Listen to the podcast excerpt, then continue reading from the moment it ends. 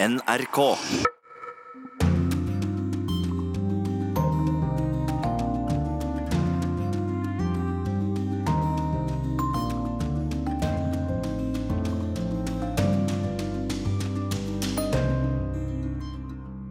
Valg i Afghanistan, flere valglokaler er angrepet. Ikke alle våger å avgi stemme. Hvis det blir som i tidligere valg, at folk får fingrene kuttet av, så er det ingen sikkerhet, sier Malang Shah i Kabul. Og han har bestemt seg for ikke å stemme i år. Syriske flyktninger ble tatt imot med åpne armer i Libanon for åtte år siden. Nå blir de tvangssendt tilbake, sier årets Raftoprisvinner Roba Maisen. Um, and in the last few months, we have seen some forced deportations of Syrians, and this is really a violation of uh, human rights, and it's a violation of a lot of uh, international conventions. Ved inngangen til Folkerepublikkens 70-årsjubileum er Kinas president på vei til å lykkes med sitt prestisjeprosjekt. I løpet av hans tolv år med makta skal 98 millioner ha blitt løfta ut av fattigdom. Han har satt ei deadline på de 16 millionene som står igjen. Innen neste år skal ingen lenger leve under fattigdomsgrensa på 10 kroner dagen. Og det har vært en ellevill uke i britisk politikk, skal vi høre i korrespondentbrevet. Jeg har sett timevis med debatter i parlamentet de siste to årene. Men ingenting har vært maken til det vi fikk se på onsdag. Det har vært en helt utrolig uke i britisk politikk, og det har vært en helt spesiell uke å være her i London som NRKs korrespondent. Og mot slutten av sendingen skal vi høre mer om den svært kontroversielle telefonsamtalen mellom to presidenter. USAs president slo på tråden for å gratulere en nyinnsatt og helt uerfaren ukrainsk kollega. Men en varsler i den amerikanske sikkerhetstjenesten sier at Donald Trump gjorde mer. Han ba om ukrainsk hjelp til å spa opp dritt om sin kanskje tøffeste politiske konkurrent hjemme. Åtte ganger ba han om hjelp. Og han holdt igjen penger fra USA til Ukraina hvis mannen i den andre enden ikke gjorde som han sa. Stemmer dette? Vel møtt til Urix på lørdag, i studio Dag Bredvei.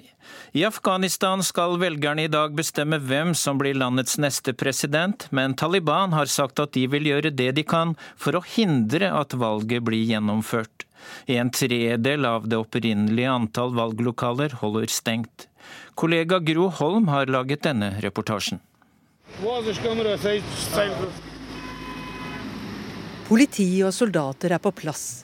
72 000 av dem og 30 000 til i reserve for å sjekke biler og folk rundt valglokalene i Afghanistan.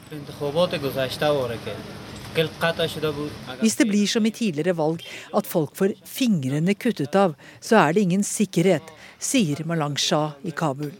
Og han har bestemt seg for ikke å stemme i år.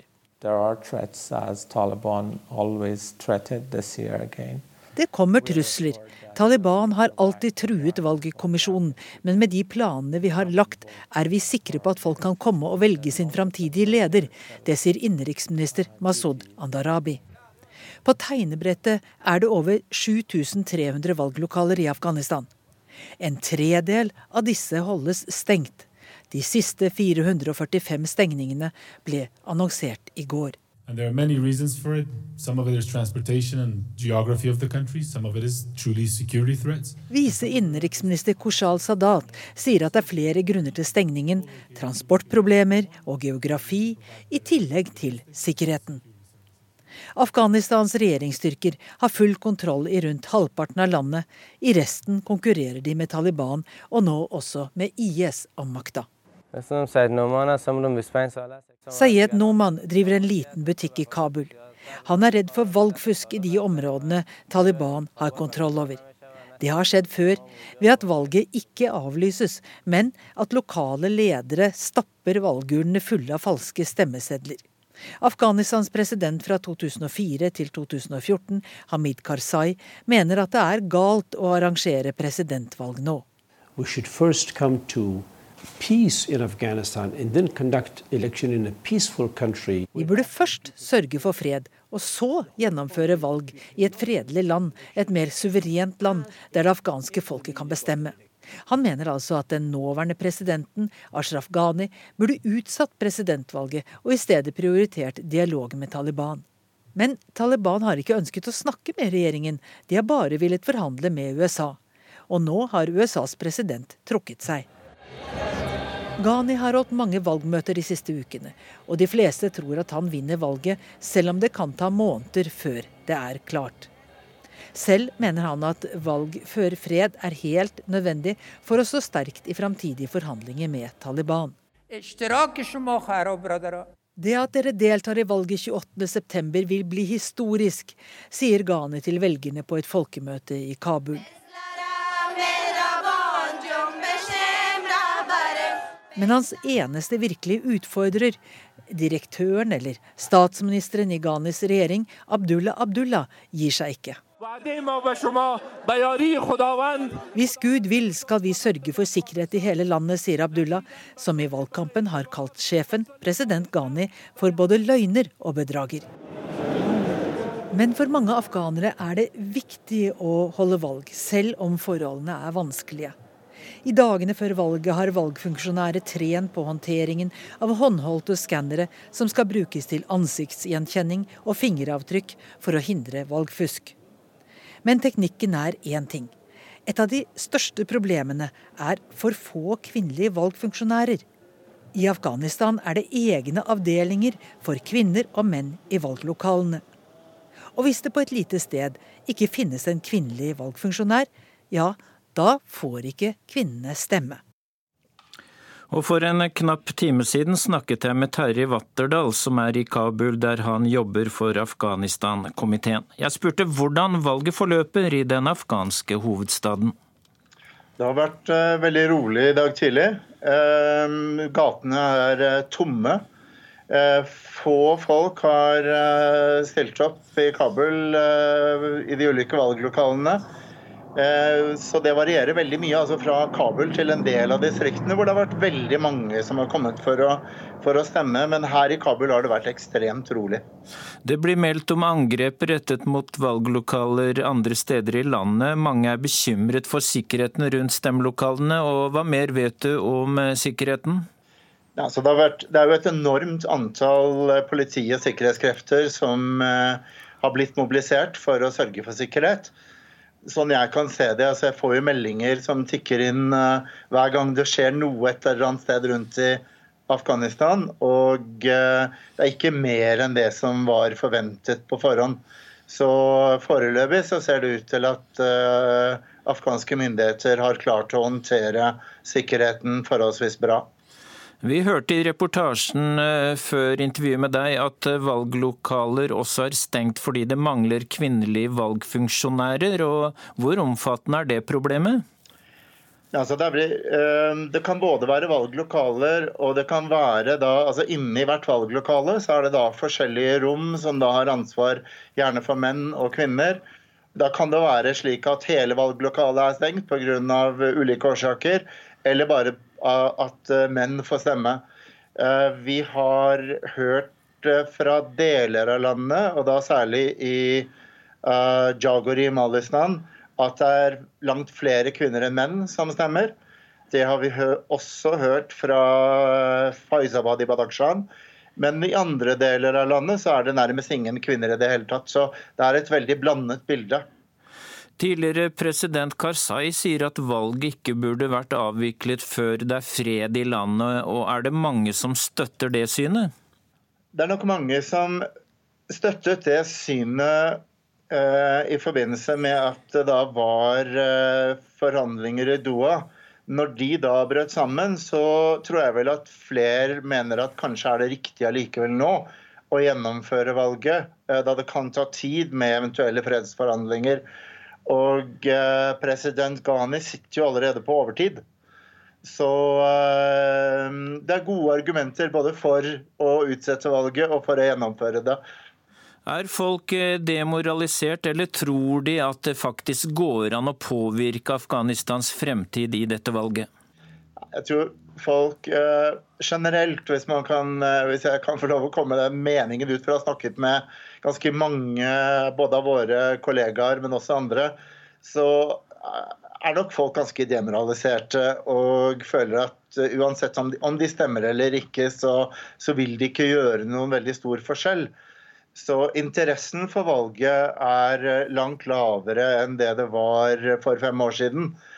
Og vi ser jo det altså Vi så bilder Vi har et valglokale i gata der jeg bor. Det var helt tomt. Bare en håndfull personer hadde møtt opp eh, da det allerede hadde gått fire timer. For fem år siden så var det lange køer. Så eh, i hvert fall her i Kabul og denne delen av byen der jeg bor, så er interessen veldig liten. Og Det er det som er det farlige ved dette, fordi at interessen er stor noen steder, mens det da er, eh, den er veldig liten andre steder. Og Det kan jo være med på å forskyve på en måte maktbalansen mellom de ulike delene av landet og de ulike etniske gruppene. Tusen takk skal du ha, Terje Vatterdal i Kabul.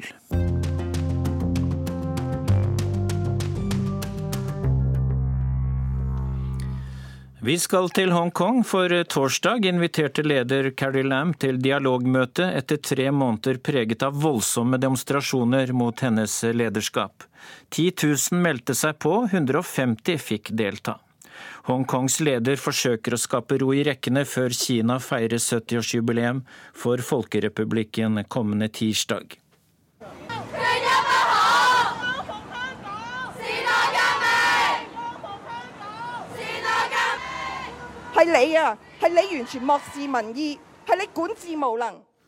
Vi hørte ungdom som sang 'Fri Hongkong', og en student som skjelte ut Carrie Lam. Kvinnen sa bl.a. at det er Carrie Lam som er ansvarlig for uroen, og at hun må trekke seg. Og Guri Melby, stortingsrepresentant for Venstre, velkommen til Urix eh, på lørdag. Takk skal du ha. Du var i Hongkong denne uka. Hvordan opplevde du møtet med demokratibevegelsen? Ja, jeg var jo så heldig at jeg fikk møte flere av demonstrantene som har engasjert seg de siste månedene. Eh, noen av dem var også aktive under den såkalte paraplybevegelsen for noen år siden. Eh, og det som jeg oppfatta veldig klart og tydelig fra dem, var jo stor frustrasjon. Eh, manglende tillit til myndighetene. Det vil si både Carrie Lam og til lederne, men også til politi og andre autoriteter. Eh, og en slags sånn håpløshet. Men samtidig så møtte jeg også veldig kampvillige folk. Eh, de var veldig opptatt av at de må slåss for å bevare de rettighetene som de har. Eh, for å bevare det her såkalte One Country Two System-avtalen fra 1997. Der de har sitt eget rettssystem, sin egen lovgivende forsamling, at de har stemmerett. Og de opplever jo at disse rettighetene blir gradvis innskrenka omtrent dag for dag. Og Derfor så føler de vel at de egentlig ikke har noe annet valg enn å ty til gatene. Vi skal høre Carrie Lam som ber om mer dialog med demonstrantene.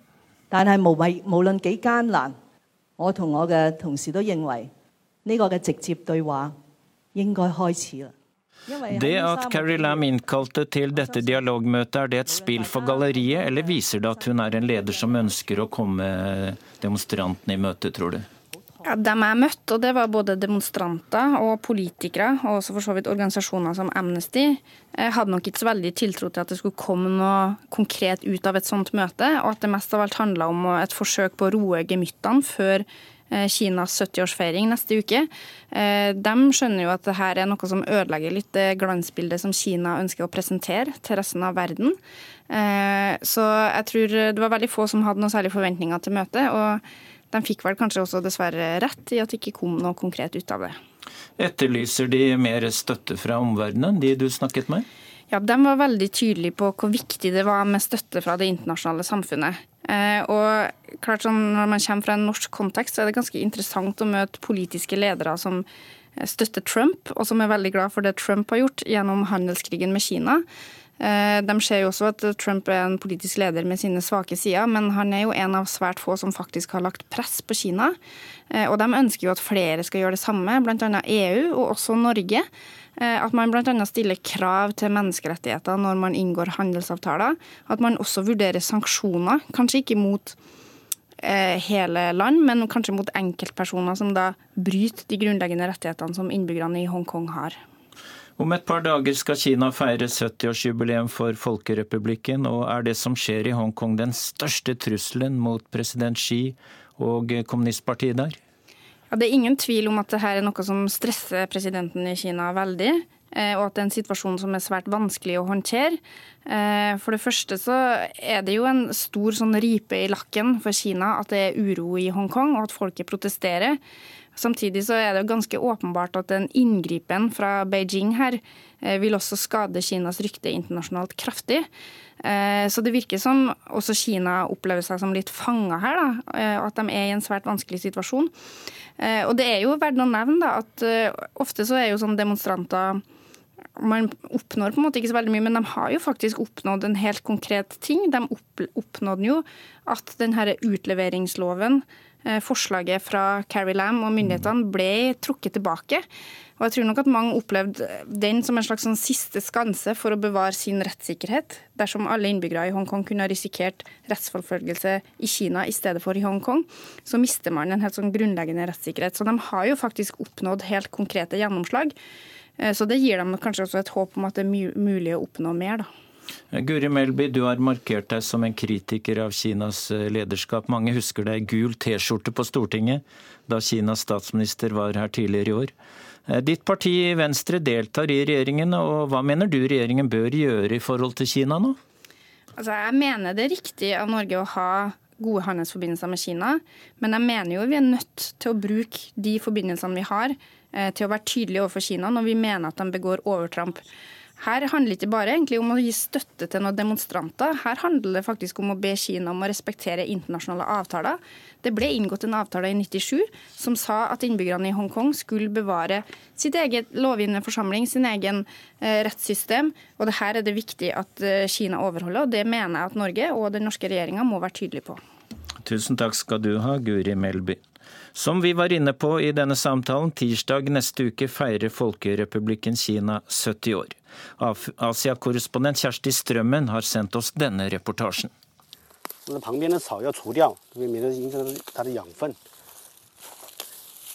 Han rusler gjennom en åker langt fra sin heimebane. Zhao Luming er universitetsutdannet byråkrat, men styresmaktene har sendt han ut på jordene for å hjelpe en landsby ut av fattigdom. Nå inspiserer han grapefruktene han har planta, som henger tunge på unge trær.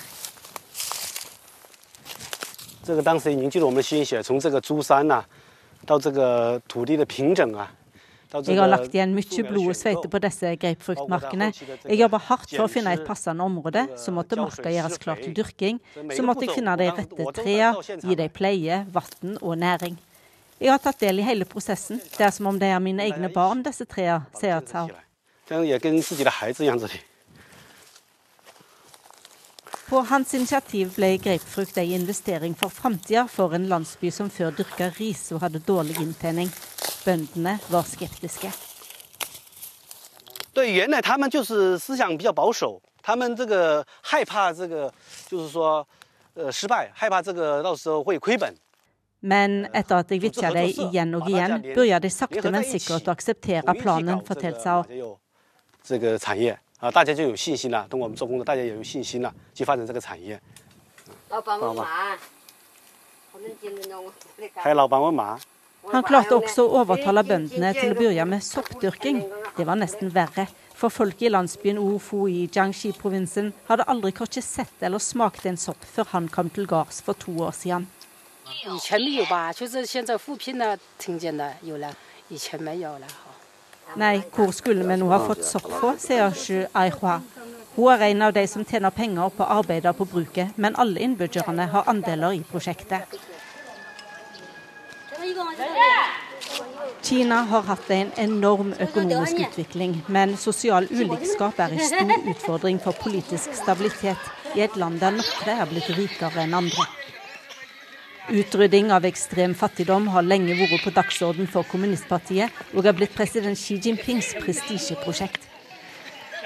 I løpet av hans tolv år med makta skal 98 millioner ha blitt løfta ut av fattigdom. Han har satt en deadline på de 16 millionene som står igjen. Innen neste år skal ingen lenger leve under fattigdomsgrensa på 10 kroner dagen. Hver uke er Tsao innom 66 år gamle Li Shuhui og vatner grønnsakene i bakgården. For de som er gamle og syke, er ofte de fattigste og de som trenger mest hjelp.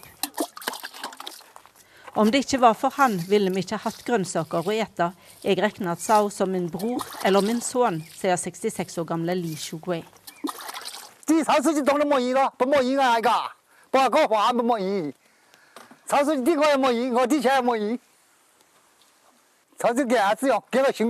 Shugui. Han har lungekreft og er takknemlig for at partisekretæren også har sikra han gratis medisiner, fordi han ellers trolig hadde dødd. 现在身体好，是不是？不没共共共产党啊！哎，习近平都是个有病又不要俺一分钱。哎，孩子，干嘛？你在干嘛呀？我在写作业。哦，写作业啊。 呃，姐姐在干嘛呀？Zhao har to små barn og må stålsette seg når de ber han komme hjem. Han ringer dem ofte og prøver å se dem en gang i veka. Men mener at tid med den vesle kjernefamilien må ofres til fordel for den kinesiske storfamilien, altså nasjonen.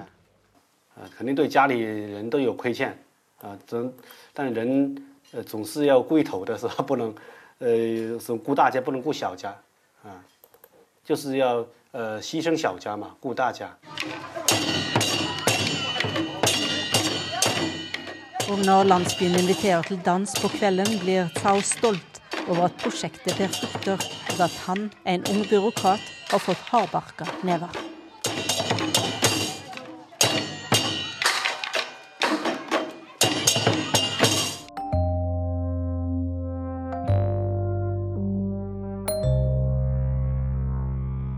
Det er en stor ære, det sier Roba Maisen i Beirut i Libanon. Torsdag fikk hun vite at hun er tildelt Raftoprisen for sin kamp for syriske flyktninger. I'm very overwhelmed, uh, honored, and uh, very, very happy to see that uh, this award means that Syria is still on the international map uh, and people are recognizing the struggle of the Syrian people. So I'm really humbled by that. Hun sier hun er glad for at Syria fortsatt er på agendaen også i andre land. Og Midtøsten-korrespondent Kristin Solberg i Beirut, du møtte prisvinneren etter at det ble kjent at hun får prisen. Og hvem er Roba Maisen? Hun er en halvt syrisk, halvt libanesisk kvinne på 31 år. Men hun har allerede jobbet lenge for syriske flyktningers rettigheter og bedre hverdag eh, her i Libanon og internasjonalt.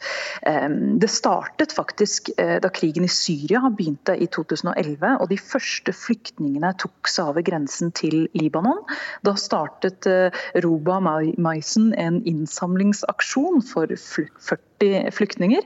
Arbeidet bare vokste og vokste, vokste, og hun er grunnlegger i dag av organisasjonen SAWA for Development and Aid, eh, som er en sivilsamfunnsorganisasjon som jobber eh, i 41 flyktningleirer her i Libanon. Og de gjør både praktisk arbeid for å bedre hverdagen til flyktninger gjennom eh, bl.a. skoleprogrammer og inntektsprosjekter, eh, og har et spesielt fokus på kvinner og barn. Libanon har en befolkning på 4,5 million, og landet har tatt imot 1,5 million flyktninger. Og I samtalen med deg fikk hun spørsmål om hva som har skjedd i det siste, fordi flyktninger som før var velkomne til Libanon, ikke er det lenger.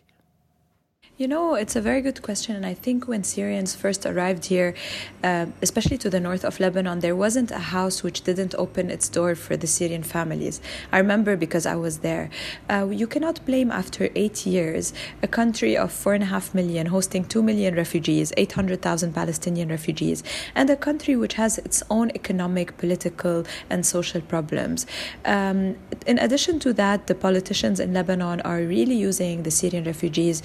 Uh, to blame all the country's problems on them, which is really increasing the tensions. Ja, politikerne de legger all skyld for det som går galt i Libanon på flyktningene, sier Roba Maisen, og for mange av flyktningene har de det verre i dag enn da de kom til Libanon for åtte til ni år siden, sier hun. Hun sier videre at Libanon bryter menneskerettighetene nå når syriske flyktninger blir tvangssendt tilbake til Syria.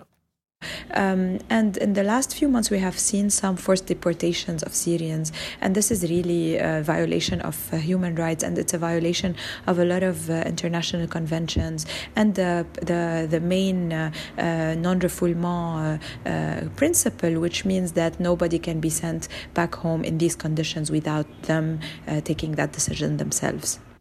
Og Kristin Solberg hun er også opptatt av at praksisen med tvangsretur kan smitte over til nabolandene, ja, og det har vi jo lenge sett tendenser til i andre naboland, og vi ser at det i økende grad skjer også her i Libanon.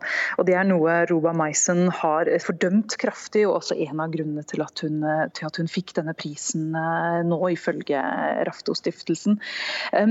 Og Det vi ser i Libanon er økende grad av deportasjoner, spesielt av menn, som f.eks. kan bli stanset i en kontrollpost og så sendt tilbake over eh, grensen så er det dette som, som Roba Meisen snakket om, som blir kalt frivillige returer. Men frivillig, frivillig da i gåsetegn.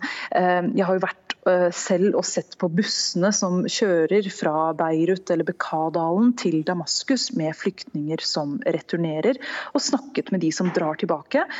Og det er ikke slik at det nødvendigvis er frivillig for dem å dra, øh, for livet er blitt så vanskelig her at, at, at mange opplever at de ikke egentlig har noe valg. Og Det som er problematisk med det, er jo at det ikke er lett å vite hva som skjer på andre siden når de kommer tilbake til Syria. Det er rapportert at uh, noen er blitt tvangsrekruttert i hæren, kastet i fengsel eller rett og slett uh, forsvunnet. For Det som er viktig å huske på, det er jo at uh, mange av flyktningene både her i Libanon, andre naboland og også i Europa, ikke bare har flyktet fra kamphandlingene i Syria, men også fra myndighetene. Så selv om kamphandlingene i noen deler av Syria ikke lenger er en trussel, så kan det likevel være farlig for dem å returnere. Nettopp. Raftoprisvinneren er glad for prisen, men da du spurte om hennes reaksjon, sa hun at prisen forplikter. Derfor er det med blandede følelser hun tar imot den. To be honest, to be very honest with you, it was a mixture of guilt and happiness. So sometimes this kind of award uh, is a burden or a responsibility and a feeling of guilt that some of us are out there and some of us are still trapped under terrible condition. But also it's an increase. I felt like it was a responsibility for me to better do what I do and better represent people.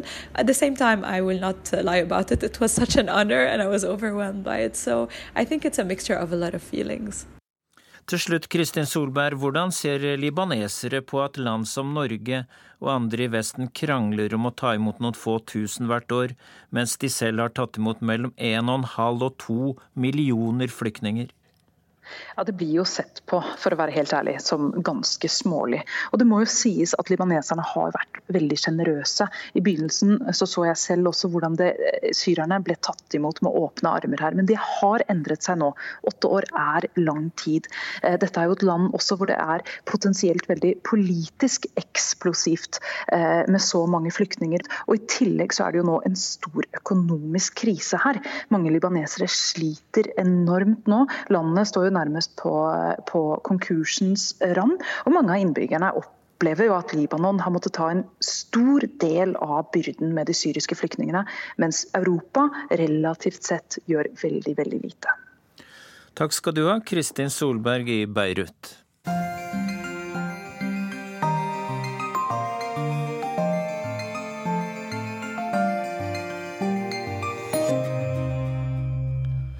Ja, da er vi klare til å åpne ukens korrespondentbrev. Denne gang er det postlagt av vår London-korrespondent Øyvind Nyborg, som beskriver en ellevill uke i britisk politikk. Jeg har sett timevis med debatter i parlamentet de siste to årene, men ingenting har vært maken til det vi fikk se på onsdag. Det har vært en helt utrolig uke i britisk politikk, og det har vært en helt spesiell uke å være her i London som NRKs korrespondent. Statsminister Boris Johnson har sammenlignet landet med tegneserien Hulken. Denne uken har vi muligens fått en forsmak på hva som kan komme. Johnson har nemlig lovet at landet vil forvandle seg til en stor, grønn, aggressiv kjempe dersom han ikke får gjennomslag for sin brexit-politikk.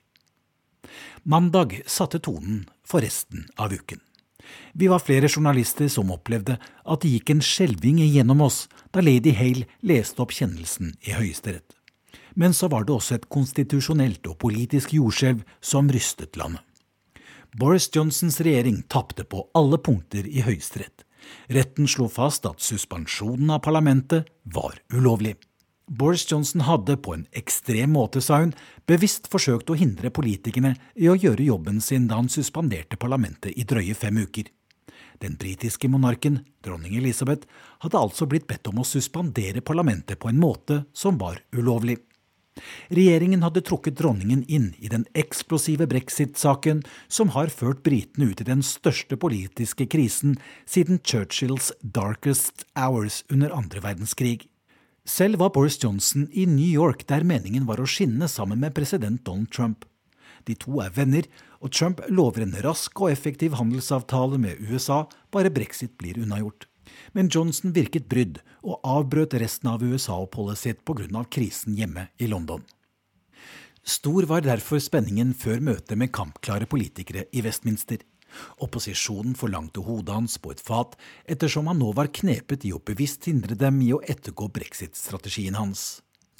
Johnson sendte først sin politiske rottweiler Jeffrey Cox inn i ringen. Foruten å være regjeringsadvokat er han mest kjent for sine tordnende taler. Med sin kraftige baritonrøst gikk han løs på Arbeiderpartiet og resten av opposisjonen. Han ble nesten djevelsk i stemme og kroppsspråk da han kalte dem for feiginger. Dette parlamentet er dødt og har ingen moralsk rett til å sitte her, sa han, og sammenlignet opposisjonens politikere med kalkuner. Opposisjonen ble mer og mer synlig irriterte. Representanten fra Huddersfield, Barry Sherman, så rødt. Ikke kom her med din høye advokatrøst og vri på sannheten, skrek han mens det frådet fra munnen hans. Den litt eldre arbeiderpartimannen dirret i hele kroppen, og ansiktet hans var ildrødt mens han pekte med pekefingeren. Politikerne klappet og buet og hoiet om hverandre. Ordstyrer John Berkow satt trolig rekord i å be om order. Vi som fulgte debatten, lurte på hvor det var blitt av den høflige britiske tonen, med de veltalende og elegante måtene å fornærme hverandre på gjennom språklig kløkt og underdrivelser. Men regjeringsadvokaten hadde bare vært oppvarmingsnummeret. Verre skulle det bli etter at statsminister Boris Johnson kom inn i salen. Du er en skam, ropte en arbeiderpartipolitiker. Løgner, ropte en annen. Du burde vært bak lås og slå, ropte en tredje.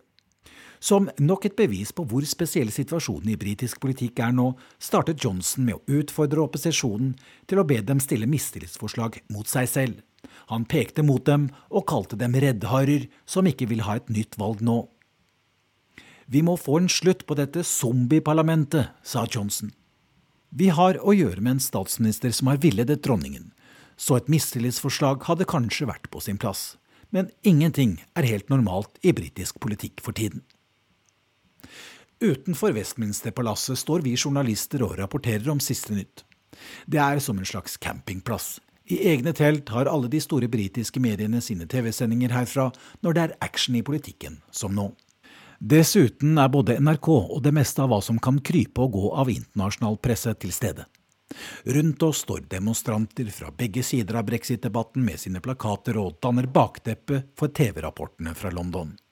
Brexit-dramatikken har gjort at det har vært mange slike dager det siste året. Mange av oss føler at vi har hørt det meste, men denne kvelden var helt utenom det vanlige. Vi ble stående som klistret til TV-skjermene våre. Stemningen der inne i salen var elektrisk. Det ble mer og mer ellevilt. Parlamentets egen TV-kanal var nå blitt bedre enn den mest oppslukende TV-serie på Netflix. Men dette dramaet var fra virkeligheten. Som nordmann vet jeg jo at EU-saken setter følelsene i sving, men dette tok kaka.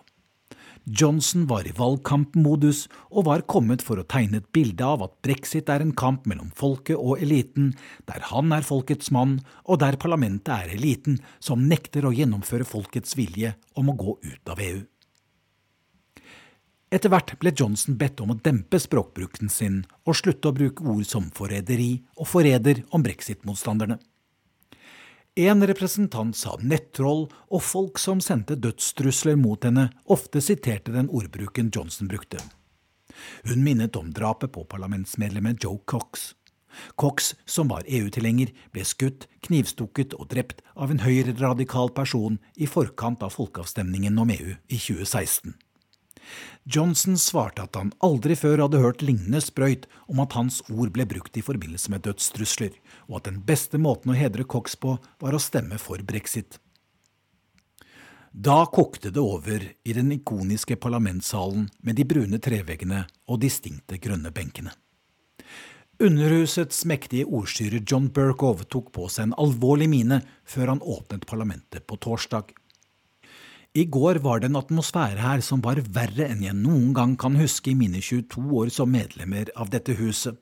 Det var en sint stemning og en giftig kultur. Dette landet står overfor en av sine mest utfordrende situasjoner. Det er mange hjertefølte meninger, men vær så snill, demp volumet, sa Burkov. Reaksjonene i dagene etterpå lot ikke vente på seg. Johnsons søster, Rachel Johnson, mente broren hadde oppført seg usmakelig, men statsministerens rådgiver mente politikerne må tåle en tøff tone til de slutter å blokkere brexit. Brexit-saken er altså like fastlåst som før. Og jeg har en følelse av at både følelsene og volumet vil øke igjen ettersom vi nærmer oss brexit-dagen 31.10. Øyvind Nyborg, London.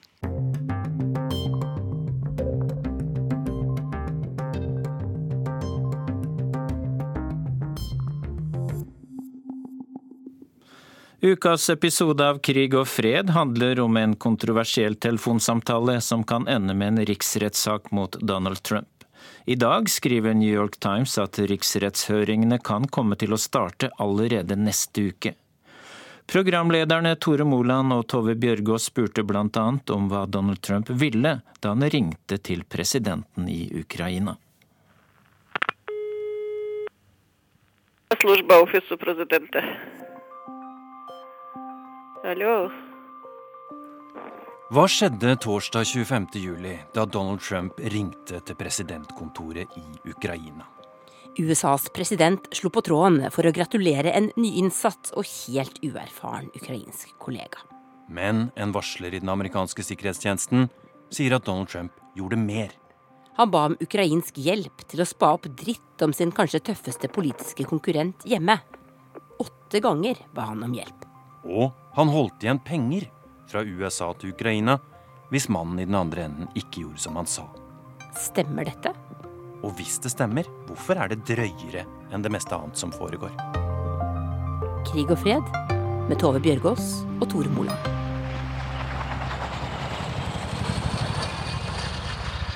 My conversation with the president, the new president of Ukraine, was perfect. It was a warm, friendly conversation. There was no quid pro quo. There was nothing. It was a perfect conversation. Mr. President, will you bring up, will you bring up Joe Biden? Jeg heter Anders Magnus. Jeg er eh, korrespondent for NRK i USA og Amerika. We don't want our people like Vice President Biden and his son creating to the, the corruption already in the Ukraine. Anders Magnus, vi har så vidt fått tilgang til uh, utskriften av samtalen mellom de to presidentene. Stemmer dette overens med hva Donald Trump sjøl har forklart om samtalen? I hans hode så gjør det nok det. Han sa at dette var en perfekt samtale og ingenting som var utilbørlig. Men hva Trump selv mener er utilbørlig, og hva andre mener er utilbørlig, det er to helt forskjellige ting. Trump har jo ofte en uh, virkelighetsoppfatning som uh, er langt ifra det uh, andre har. Både andre republikanere, men spesielt selvfølgelig hans politiske motstandere i Det demokratiske partiet. Hva i denne samtalen er det kritikerne kommer til å mene er et utilbørlig press, Anders?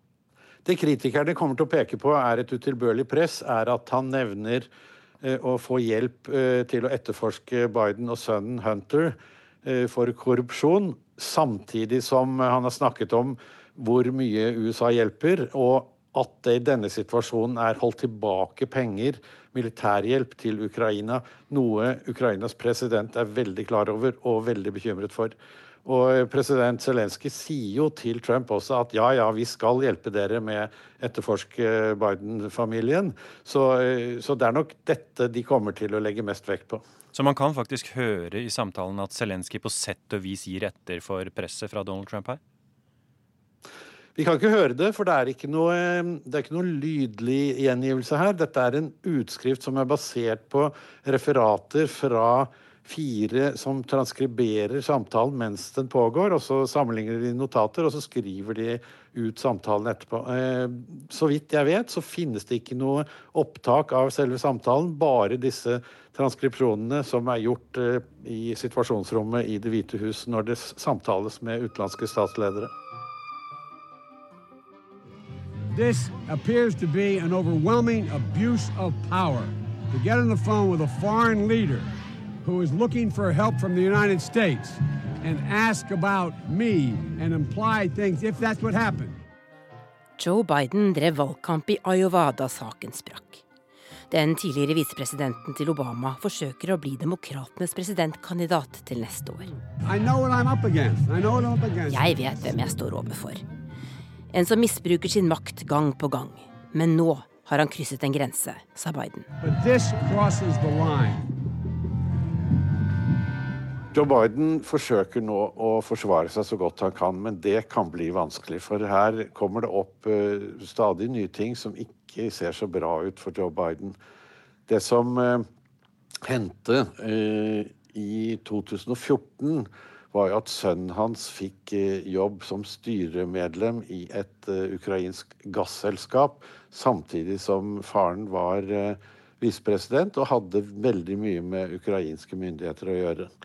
Og denne sønnen, han, at han skulle få den jobben, var jo veldig eh, overraskende. Han hadde nettopp blitt sparket ut av marinen pga. kokainmisbruk. Men så fikk han altså en, eh, en, et styreverv her som eh, betalte han veldig mye penger. 50 eh, 000 dollar i måneden. Så mange lurer på hvordan i all verden klarte han å få den jobben. Og så hadde hadde Ukraina akkurat da pågående en etterforskning mot nettopp det firmaet som eh, Hunter Biden ble styremedlem i, for korrupsjon. Eh, og riksadvokaten på den tiden han altså holdt på med denne etterforskningen. The prosecutor, Viktor Shokin, failed to crack down on corruption in Ukraine. Viktor Sjukin var riksadvokat i Ukraina, men ble beskyldt for å gjøre for lite for å bekjempe korrupsjon. Og for selv å være korrupt. Fired, oh,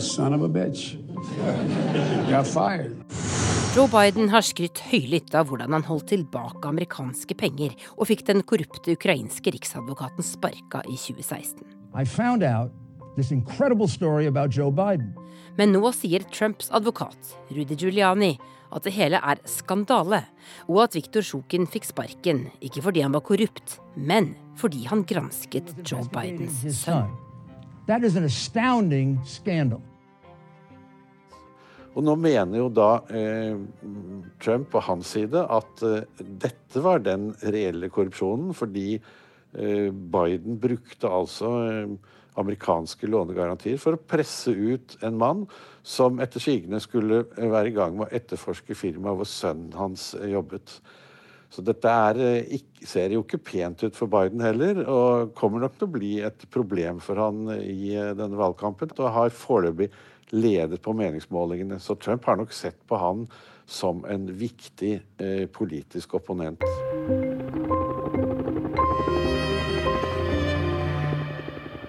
Det spesielle med Ukraina det er jo dette at eh, det er en veldig stor grad av sammenblanding mellom økonomi og politikk.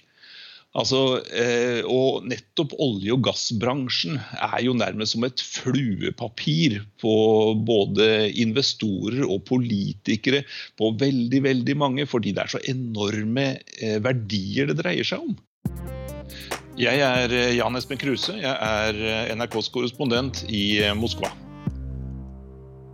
Her er det ja, det mangler en betydelig grad av oversikt. Du kan vel si at eh, Riksrevisjonen i Ukraina har ikke helt samme status som Riksrevisjonen i Norge.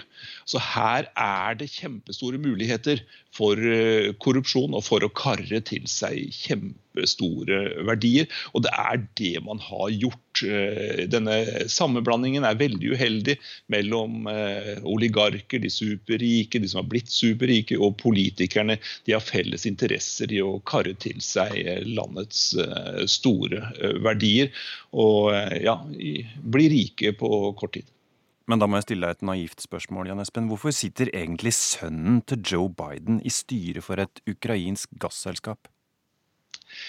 Det finnes kanskje flere svar. Et av de er helt åpenbart at han eh, altså, har en lønn på ca. 450 000 norske kroner i måneden eh, for å arbeide vi vet ikke riktig hvor mange timer i måneden i, i dette, dette, ukrainske gasselskapet Burisma. Spørsmålet som jo veldig mange stiller, er det ikke ikke en eh, konflikt av interesser her, når sønnen eh, til den som var den gangen da visepresident i USA, eh, arbeider for et ukrainsk selskap, der hvor faren er svært aktiv i politikken som USA fører overfor Ukraina. Ja, for Joe Også, Biden var jo en av de viktigste allierte Kiev hadde som amerikansk visepresident i den striden som gikk med Russland i de årene Obama var president? Absolutt. Eh, Joe Biden var jo der stadig vekk. Han eh, var med på å pushe amerikanske initiativ. Han eh, var helt sentral i amerikansk politikk overfor Ukraina. Og det at sønnen da får en meget godt betalt jobb i et ukrainsk gasselskap, det førte jo til masse spørsmål og spekulasjoner om interessekonflikt og om mulighetene for korrupsjon korrupsjon, men det er viktig å understreke at eh, det er, det er ingen som har noe bevis på at det skulle være noe eh, korrupsjon rundt eh, Hunter Biden og, og, og faren hans Joe Biden. Men, men interessekonflikten den er vel egentlig ganske åpenbar. Jan Espen Kruse, hva tror du har skjedd, da? Ha, det er supervanskelig å, å, vite. Man kan jo bare gjette. Men at eh, det er sammenblanding av kjempestore penger, politiske interesser, eh, og at politikk er et eh, veldig avansert spill, hvor det aller meste er lov etter noens eh, mening, ja, det er helt sikkert. Men fasiten her, det må vi nok vente og se på. Men vi vet jo at Ukraina er veldig avhengig av amerikansk hjelp, både militært og økonomisk. Så det er klart at ukrainerne vil strekke seg veldig langt for å etterkomme amerikanernes ønsker. Har eh, presidenten Zelenskyj sagt noe sjøl om samtalen hans med Donald Trump? Nei, selv har han holdt helt eh, tett om dette her. Eh, det har kommet en uttalelse fra eh, utenriksministeren, altså fra regjeringen, da, om at samtalen fant sted, og at ja, de snakket om forholdet mellom Ukraina og USA. De snakket om kampen mot korrupsjon og det å kunne fjerne korrupsjonssaker som er en belastning for forholdet mellom Ukraina og Russland og utviklingen av forholdet. Men eh, det, jo, det gir jo ikke særlig svar eh, på det alle lurer på nå. Jan Espen, kan du fortelle oss hvem denne president Zelenskyj i Ukraina egentlig er? Ja, han er jo en fryktelig interessant personlighet. Eh, han er jo en superstjerne i underholdningsbransjen i Ukraina.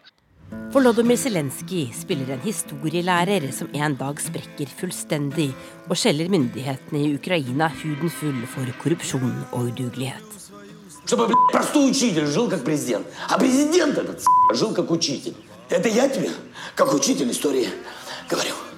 Folkets tjener heter den ukrainske TV-serien, der den engasjerte og rettskafne historielæreren plutselig selv ender opp som Ukrainas president. Men det slutter ikke der. I april i år ble showets stjerne, Volodymyr Zelenskyj, valgt til president i Ukraina på ordentlig.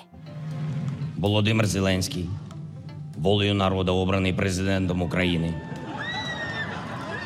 Hans eneste politiske erfaring å ha spilt president på TV. Hans eneste politiske sak å rydde opp i korrupsjonen. Ja, hvordan var det å være i Ukraina da Zelenskyj faktisk ble valgt til president på ekte, da, Jan Espen? Det var en veldig spesiell opplevelse fordi at eh, de aller fleste av de menneskene jeg snakket med, de ukrainerne jeg snakket med, de sa jo eh, rett ut at vi For oss er det én ting som er viktig. Det er at eh, ingen fra det etablerte politiske liv, fra de eh, etablerte politiske partiene, kommer til makten igjen. Nå er vi så møkka lei av korrupsjon, av vanstyre, av elendige lønninger, elendige pensjoner. Eh, nå må vi slippe noen andre til. Det spiller ingen rolle om de som slipper til, ikke har politisk erfaring i det hele tatt. Det er nærmest en fordel, sa ukrainerne. Eh, det er de vi vil ha, for det kan ikke bli verre for oss vanlige folk enn det er nå, sa de i valgkampen. Og Derfor gikk så mange inn for å stemme på eh, president Zelenskyj og hans eh, parti, da, Folkets tjener. Понятно? А выбирать-то не из, из двух пи***расов. Выбираем меньше. И так 25 лет подряд. И знаешь, что интересно? В этот раз ничего не поменяется. Знаешь почему? Потому что ты мой Hva tenker du om at verden en uke høsten 2019 domineres av en telefonsamtale mellom en eh, TV-kjendispresident i USA og en TV-kjendispresident i Ukraina? Ja, de har jo litt felles eh, fra, i bakgrunn. Så eh, det er jo en, en pussig situasjon. Men det, det, den som er mest overrasket, er nok eh, den ukrainske presidenten Zelenskyj. Han hadde nok ikke ventet at eh, det som i utgangspunktet var en gratulasjonstelefon fra den amerikanske kollegaen hans, at det skulle ende opp i en eh, kjempestor, potensiell kjempestor politisk skandale. Eh, og, og eh, det viser vel at ja, uerfarenhet kan være bra, men litt erfaring i politikken kan nok også være en fordel. Men begge disse to er jo relativt uerfarne politikere. Så ting skjer rundt dem hele tiden, og det skjer ting som de ikke helt har kontroll over sjøl.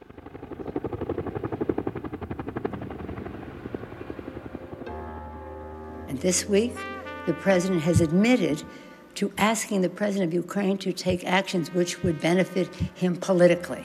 Hun har vegret seg lenge, men plutselig skjedde ting veldig fort. Og seint tirsdag kveld kom kunngjøringen. I'm announcing the House of Representatives moving forward with an official impeachment inquiry.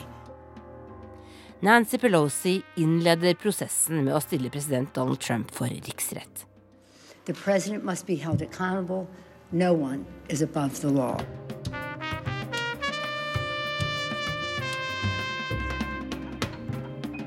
Men herregud, det her er jo svært. Hva Det er- skjer nå, Tove? Det eh, vet jeg ikke. Men det er svært. Eh, Dette er jo mye større enn de sakene som har vært Den russlandsetterforskningen som de holdt på med i månedsvis, årevis.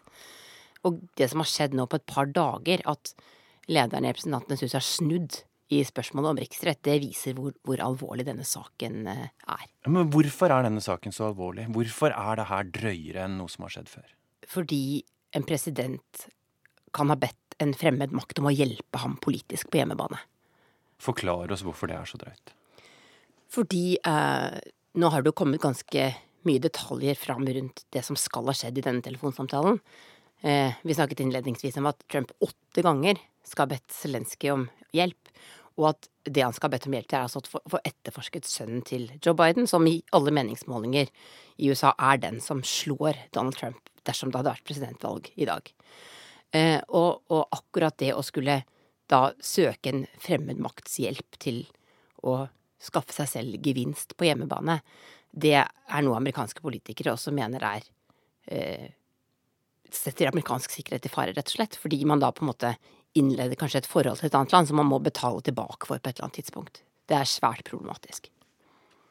Men du Tove, du har jo en teori du om at Donald Trump har fått ideen til det her fra et TV-intervju? Ja, altså det, det skrives så mye i amerikanske medier nå. Eh, og 13. juni så ble Donald Trump intervjuet av George Stephanopoulos, av alle mennesker, eh, i ABC News.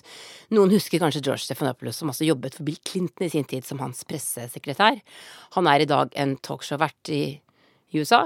Og da ble han spurt hva, om hva han ville gjøre dersom et annet land tilbød ham dritt om en av hans motstandere.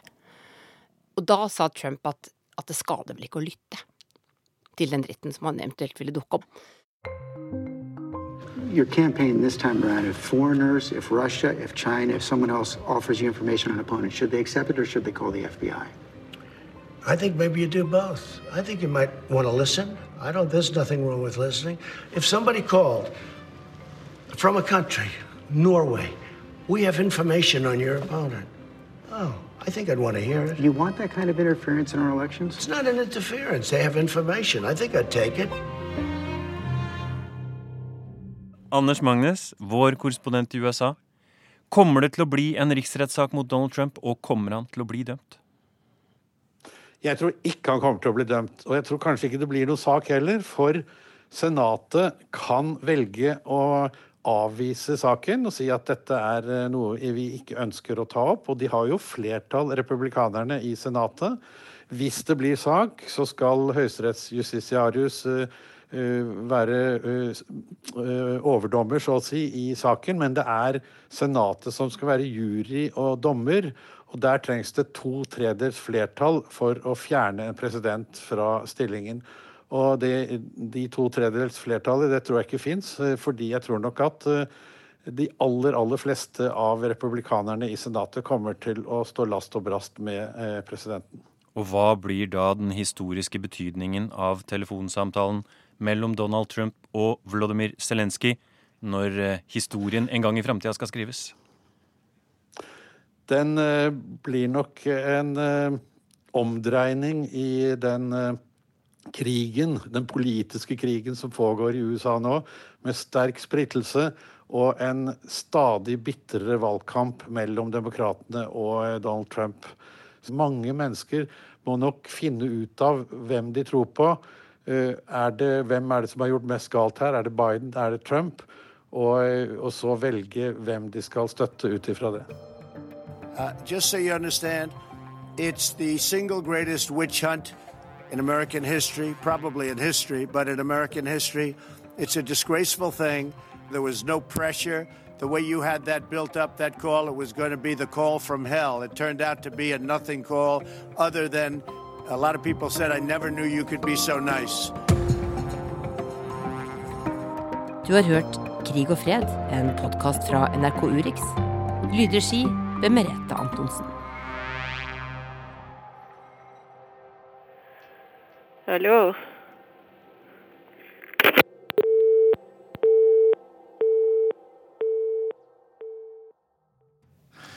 Urix på lørdag er slutt. Teknisk ansvarlig Hans Ole Hummelvold. Produsent Elise Heisel Asbjørnsen og Nicole Myhrer. I studio Dag Bredvei. Vi takker for følget den siste timen.